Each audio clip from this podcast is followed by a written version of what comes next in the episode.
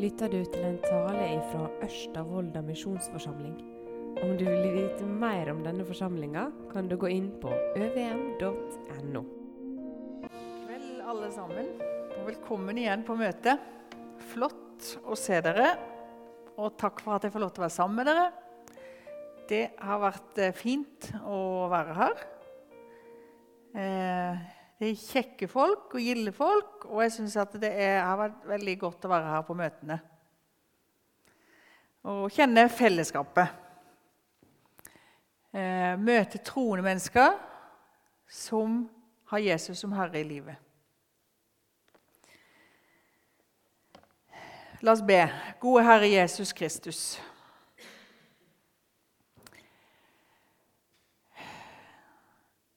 Vi ønsker å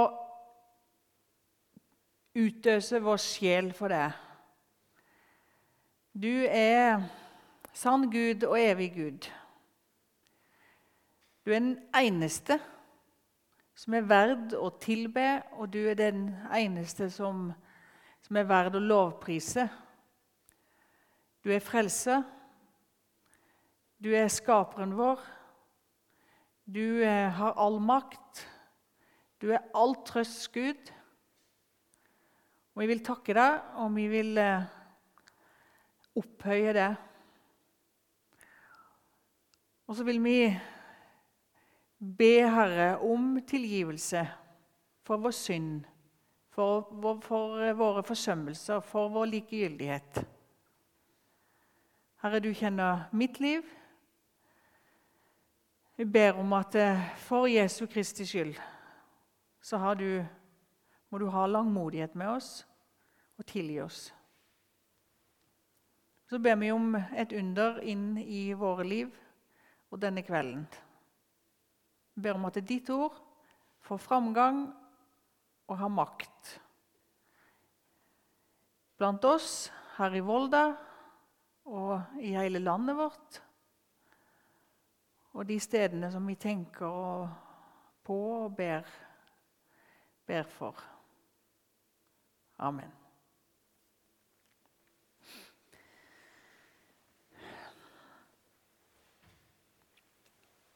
Ja, mange av dere, svært mange av dere, er med i foreninger. Eh, misjon for, for, veldig mange av dere så er misjon et sånn uttrykk som, eh, som skaper liksom en, en, noen følelser òg. Plutselig begynner en å tenke på barndommen, og så tenker en på noen misjonsfester eller misjonsstevner eller eh, ting en opplevde som ung, og ting en hører om. og ja. Det kan være, det kan være mange ting som en ikke nødvendigvis eh, bare gode følelser, men det, mange har gode følelser i forhold til det. Nå har jo jeg bursdag i dag. Det har dere fått rede på.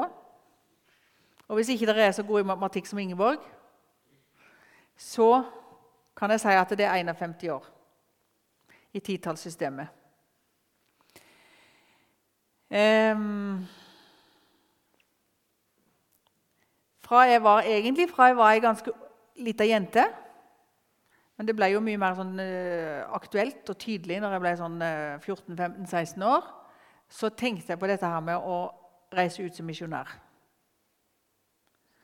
Eh, jeg brukte veldig lang tid. Egentlig så klarer jeg å ta bestemmelser veldig raskt. Det er bare fra det ene øyeblikket til det andre. Men akkurat det med å bli misjonær det trengte jeg ti år på.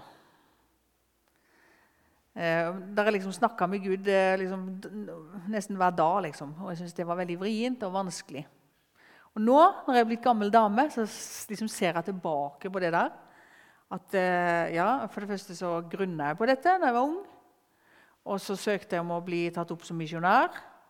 Gikk på misjonsskole ett år. Og reiste til Bolivia.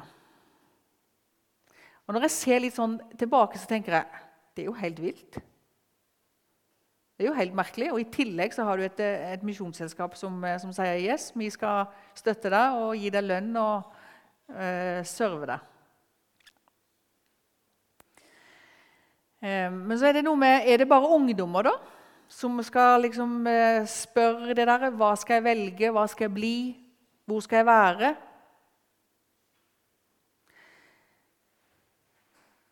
Herren, han har kalt oss til frelse og et nytt liv.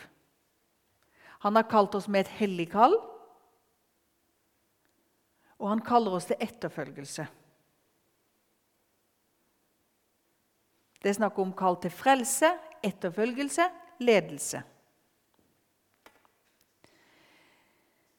Jeg skal ta en, en liten sånn runde til før jeg liksom skikkelig begynner. Jeg tror at veldig mange av dere eh, vil betegne dere som eh, konservative kristne. Og som vil si det at ja, jeg tror på det som står i Bibelen, og jeg tror at det er Guds ord. Og så kan en del av oss bli litt sånn overgitt eh, når vi hører og diskuterer med folk. Og, og ja, så, så, kan jeg si Men i all verden Åssen går det an å hoppe over sånne viktige ting i Bibelen? Det, det, det, er, helt, det er jo helt tydelig hva som står. Ulike ting. Og Vi kunne sikkert tatt mange eksempler nå og, og, og, sagt at det der, der, hvis ikke du tror på det der, ja, da kan du ikke ha forstått mye. og Hvis ikke du tror på det, og hvis ikke du tror at det er Guds ord, nei, hvor er du hen da, liksom? Men inn i mitt liv så må jeg innrømme at jeg har drevet med en sånn type Jeg kaller det en sånn bibeltroskapssalto. For jeg vil jo egentlig liksom være sånn bibeltro, selv om ikke akkurat det nødvendigvis er et positivt begrep i alle eh, grupper, da. Men jeg vil jo være det.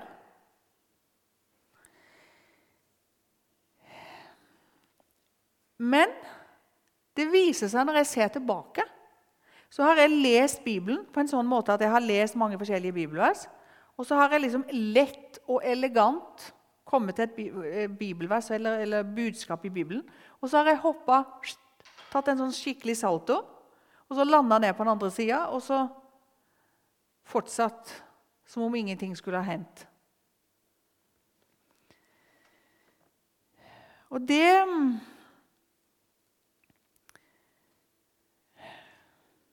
Kanskje det kan sammenlignes med hvilke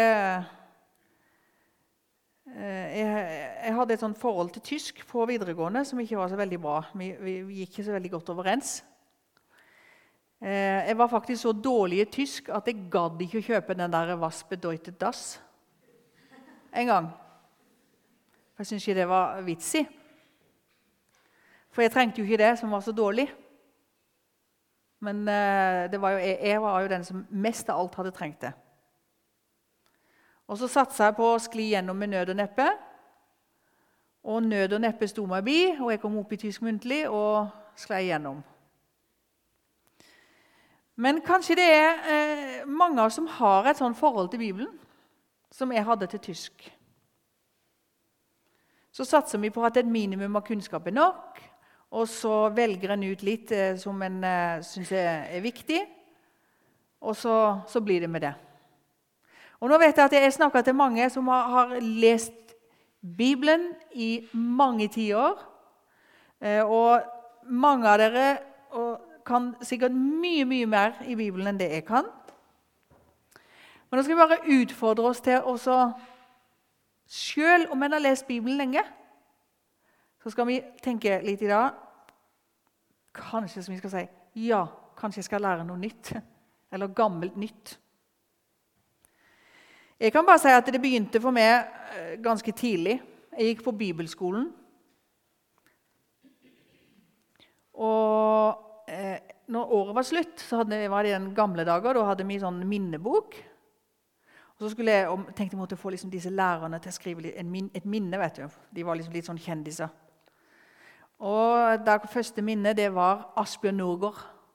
Han var lærer der da. Og Han skriver et fint minne. Og så kommer det et bibelvers, og der står det Det er Romerne 1,14. Jeg står i gjeld både til grekere og barbarer, både til vise og uvise. Og Jeg visste jo så mye at dette handla om å bringe evangeliet videre ut, og det handla om misjon. Og jeg som tenkte på dette her med misjonærkall og sånne ting, De gikk jo rett inn i hjertet mitt. Og Dermed så lukka jeg igjen den boka. Og så tenkte jeg ja, hvis det er sånne minner som de skal skrive, disse lærerne, så kan det være akkurat det samme. Så Derfor så har jeg bare ett minne. Og det er fra Asbjørn Norgård. Og det var fordi jeg likte det ikke. Jeg som da på en måte Fasaden var jo liksom sånn selvfølgelig godt og langt på, liksom på den konservative sida. vet du. Skulle liksom vise meg fram på den måten. Men jeg likte ikke bibelverset. For, for det var et eller annet som, som, gjorde noe med meg, og som, som jeg ville holde på avstand. Og det er mange sånne bibelvers som jeg har på en måte jobba med, og som på en måte jeg har følt vært helt umulige, og som jeg egentlig ikke har vilt forholde meg til. Og ett av de versene, eller, eller budskap, da, det er fra Galaterne 2,20. Vi har snakka om tid på to møter. Og det er ganske merkelig at vi, uh, uansett hvem vi er, og, og hvor uh, kristne vi gir oss ut for å være, så faller det så lett for oss å snakke om min tid. Min framtid. Mine valg. Det er liksom Hele vår kultur på en måte er, vi er der at du skal bestemme over deg sjøl. Du har rett til å nyte livet. Det er dine muligheter dine penger, din tid. Og så står det i, um, i Galaterne 2,20 Jeg kan ta siste av 19 òg. Det står Jeg er korsfestet med Kristus.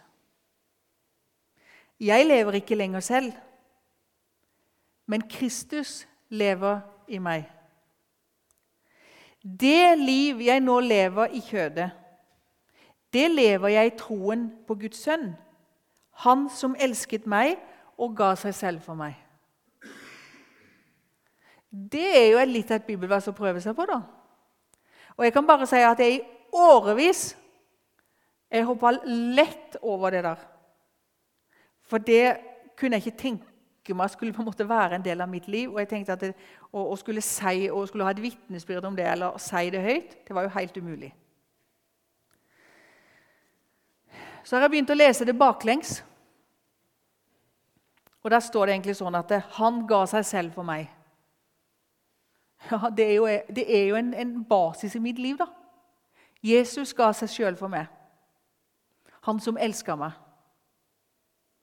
Og det er det livet som jeg lever nå i troen på Jesus. Og det er det liv som jeg lever nå som menneske her i verden. Og Det betyr i grunnen at Kristus lever i meg. Og da lever jeg ikke lenger sjøl. Da er jeg korsfesta med Kristus.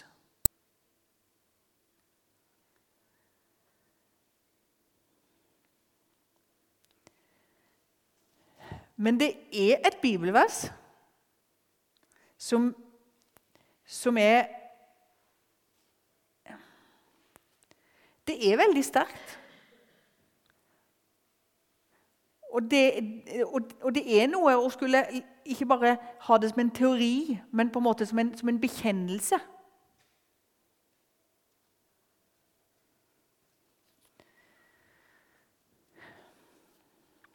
Dere er et folk til eiendom, står det i 1. Peter 2, 9. Jeg tror Noe, noe av det som, som, var mest vrient for meg når jeg var ung, eh, og mange ting som jeg tenkte på i forhold til det det med å bli misjonær, eh, det var det der å miste litt av styringa i livet. Jeg ville bestemme sjøl. Jeg drømte om å bli ordfører. Jeg drømte om å bli millionær. Jeg hadde lyst til å kjøpe aksjer i banken. Det syntes jeg var veldig gøy. Og så liksom misjonær millionær, og så ble det misjonær. Men det er jo egentlig en sånn for mennesket. Enten så tilhører du deg sjøl, eller så tilhører du Jesus. Og Da blir det litt sånn, sånn som en del tenåringer har på, på rommet sitt. så står det liksom 'privat'. står det. Da, da får du liksom et, et visst inntrykk av hvor landet ligger. Altså, Er det privat eiendomsrett i livet ditt? Eller står det Guds eiendom? Og da, da, snakker vi jo egentlig om hvem, hvem, som er sjefen i vårt liv. Og det må vi jo vite. For vi skal snakke litt videre hvem vi lever for. For hvis du tilhører deg sjøl, så lever du for deg sjøl. Hvis du tilhører Jesus, så lever du for Jesus. Og så er det en gang sånn at Jesus Kristus som var og er Guds sønn, som var med og skapte verden, og den som har gitt deg liv i dag, som har gjort sånn at du kan stå opp. Vet du hva det står om han i 2. Korinterbrev 5.15? Det var jo et sånt vers vet du, som jeg, som jeg på en måte prøvde å åle meg rundt eller vekke og ikke høre på. Men det står Han døde for alle for at de som lever, ikke lenger skal leve for seg selv, men for Han som døde og oppsto for dem. Det er jo enorme bibelvers.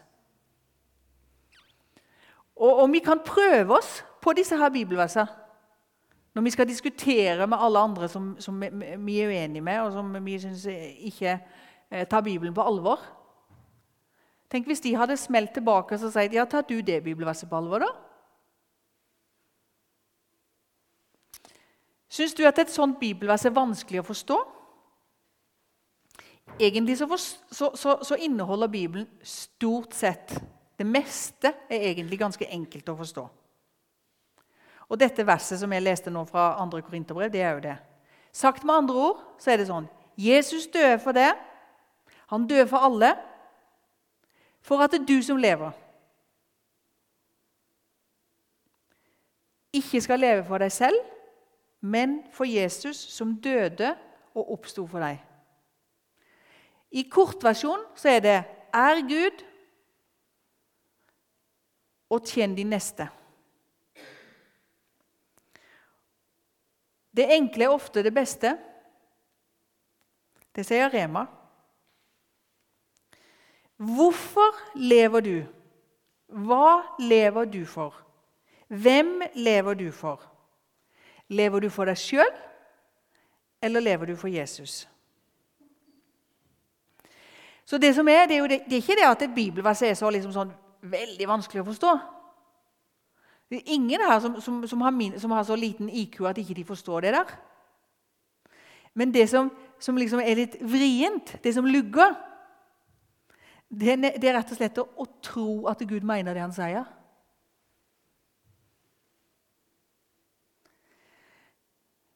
Husker du Naman i Gamle Testamentet? Det var en syrisk hærfører som var blitt spedalsk. Og så var det ei jødisk jente som da var tatt til fange, og hun jobber i huset der eh, hos, hos, han og, og hos, hus, hos kona hans. da. Og så vet jo hun at han er spedalsk, og så sier hun til, til husfrua det at jeg vet om en som kan helbrede eh, Naman. For det er en gudsprofet, Elisa, som kan helbrede. Og Han hadde vel ikke så mye å tape, så han, eh, Naman han oppsøker Elisa. Og så får han beskjed om å vaske seg sju ganger i Jordanelva. Og nå var det jo sånn at når, når Naman kom da med masse, et stort følge vet du, og gaver og greier og kom ut forbi huset til, til Elisa, så sender bare Elisa ut tjenergutten sin. Um, og det eh, var litt fornedrende. Han hadde jo liksom sett for seg et litt mer profesjonelt opplegg.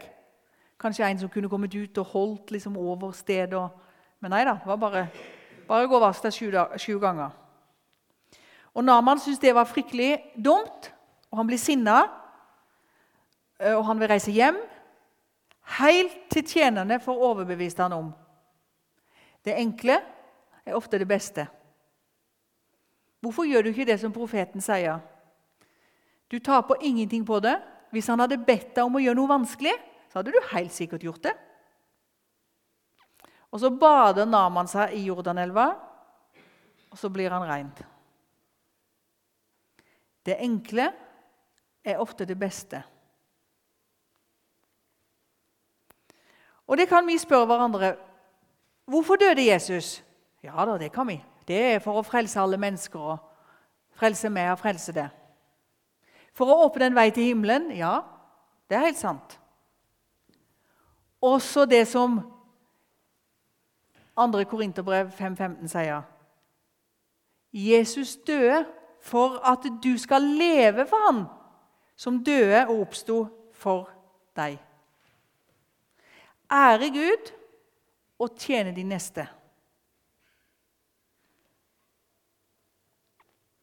Det var litt sånn, eh, Moses han ble jo kalt av Gud eh, til et stort oppdrag. Og Han eh, vrir jo seg jo unna, han kan ikke det, og han er, er dårlig til å snakke. Og, eh, så, så, på en måte så blir det litt sånn eh, Moses han sto nesten til slutt og så sa det. Ja, her er jeg. Send Aron. Det var broren som på en måte måtte ta eh, støyten en del, da, men han måtte hjelpe han. Og kanskje jeg vet i hvert fall hva det er. Kanskje du òg har vært borti det.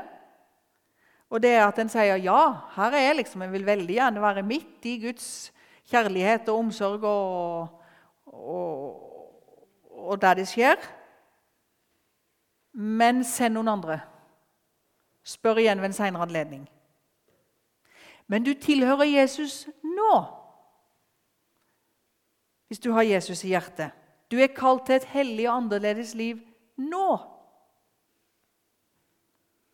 Jeg hadde en, eh, og har en fetter. Så var han, han begynte å røyke ganske tidlig. Og foreldrene var litt sånn åh, det var jo ikke så bra. Og de prøvde alle mulige metoder for å få han til å slutte å røyke. De forteller han at det koster jo mye penger, og det er helsefarlig. Røykpakka, liksom 'røyking dreper', står med store bokstaver. Ingenting hjalp. Men så kommer jeg på besøk en dag, og så sier tanta mi det. 'Du, nå har han slutta å røyke.' 'Wow, så bra', sier jeg. 'Hva er det som har skjedd?' 'Jo, du skjønner det at det, han har fått seg kjæreste.' Og så sa hun bare 'Jeg liker ikke at du røyker.' Og vips, så slutta han å røyke. Så lett. Så treffer han litt etterpå, så sier jeg det. 'Ja, jeg hører du slutta å røyke.' Sitter han der med datamaskinen sin. 'Ja.' 'Ja, åssen går det, da?' 'Jo, du skjønner det, Marit, at når røyksuget kommer, så tenker jeg bare 'Lisa eller røyken?' Valget er enkelt. Og Det syns jeg egentlig var et godt bilde på den som tror på Jesus. Hvis du, hvis, du, hvis du, har smakt at Herren er god, hvis du har fått noe inn i livet av hvem Jesus er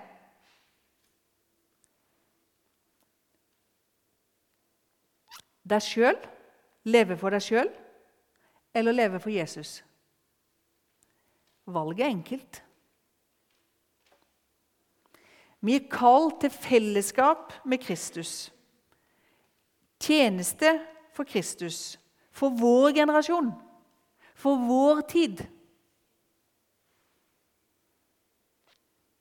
Tenk hvis jeg sto på en gravstein.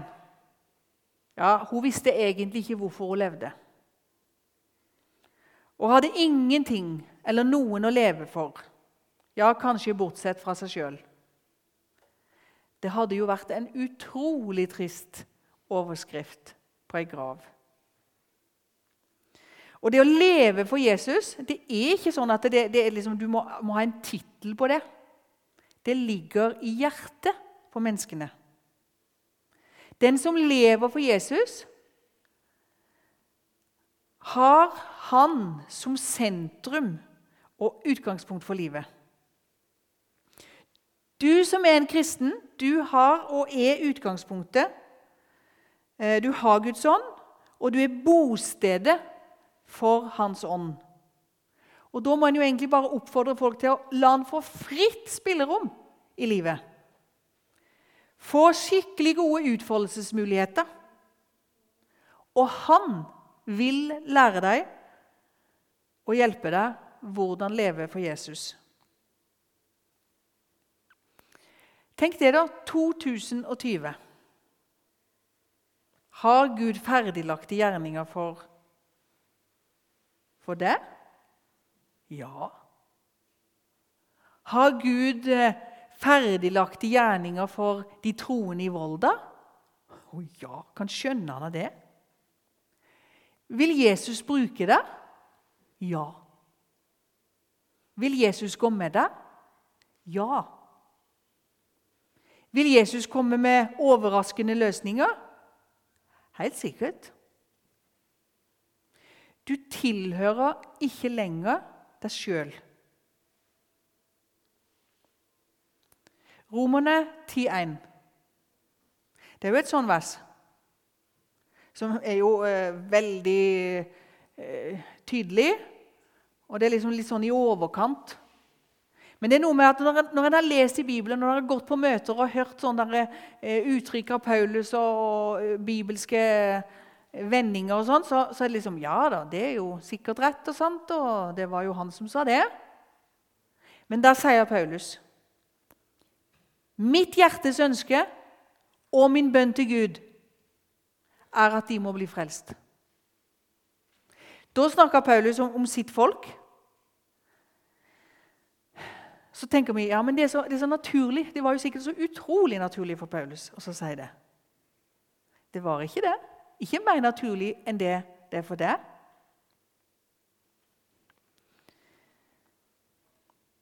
Du kan jo prøve å tenke deg hvis, eh, hvis du er på butikken, og så kommer TV 2 med en, en, en, en mikrofon. Og så sier de 'Si meg en ting. Hva er det liksom du som trigger, som trigger deg i livet? Hva er det som du eh, liker kjempegodt? Eh, ja, det er jo barnebarna, da. Og rypejakta og sydenturen og molte, plukke litt molter. og liksom utrolig mange ting som kommer. Kjempebra. Men hvor mange her i Volda hadde liksom sagt ja, det skal jeg fortelle deg. Det som virkelig trigger meg, det er at eh, mennesker blir kjent med Gud og med Jesus Kristus. Men det hadde arbeid inni Paulus, og det ble så viktig at det var det han sa. Mitt hjertes ønske og min bønn til Gud det er at de må bli frelst. Vi er et folk til eiendom. Det betyr at vi er eid av noen, av Jesus Kristus. Samuel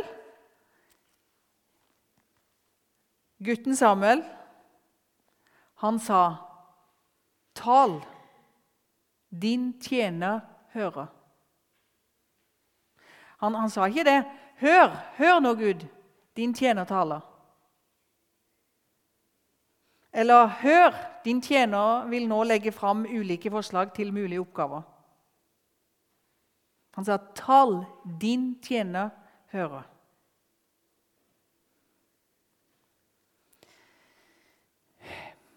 Misjonsfolk, hva er det? Er det å gi til misjonen? Er det å få andre til å gjøre misjonstjenesten? Må vi tore og så spørre oss sjøl Hvis dere har eh, mye fiskere her oppe i området Det har vi nede på Sørlandet òg.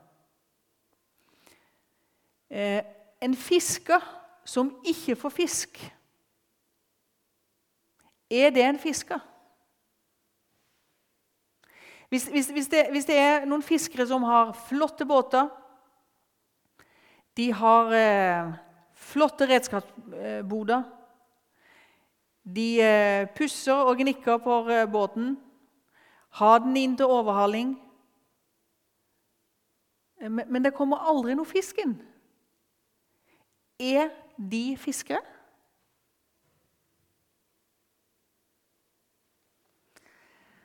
Nå har du fått noen bibelvers som, som jeg har hoppa over mange ganger.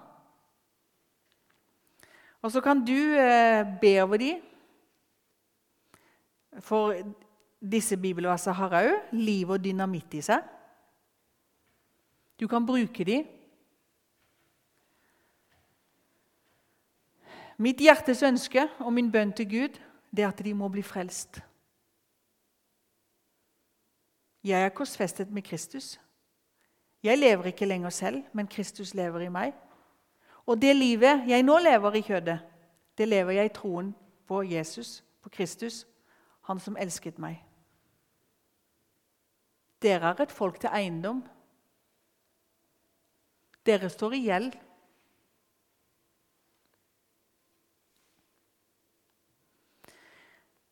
Jeg skal fortelle om en historie, en gammel historie som, som jeg har fått, fått fortalt sånn i alle fall. Og Det er fra et sånn gammelt studentstevne som de hadde i mellomkrigstida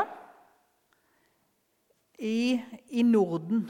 Og dette stevnet her, det var i Åbo i Finland.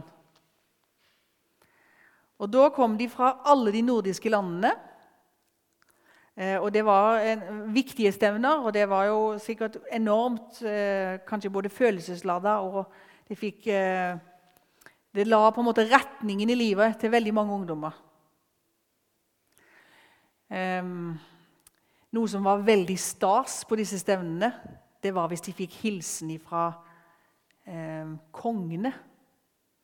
Så kunne de få hilsen fra kong Haakon, de kunne få hilsen fra Kristian eller Fredrik i Danmark, eller fra Sverige. Og så var det en gammel Etiopia-misjonær som heter Frid Hylander. Og så kommer han opp, og så sier han det.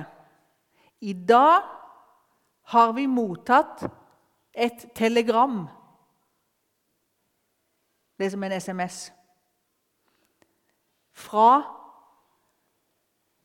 en konge. Og så reiser hele forsamlingen seg, og så tenkte de hvem, hvem er det nå som jeg har fått hilsen ifra? Det er jo liksom litt gjevt òg å liksom bli huska på da, av kongen.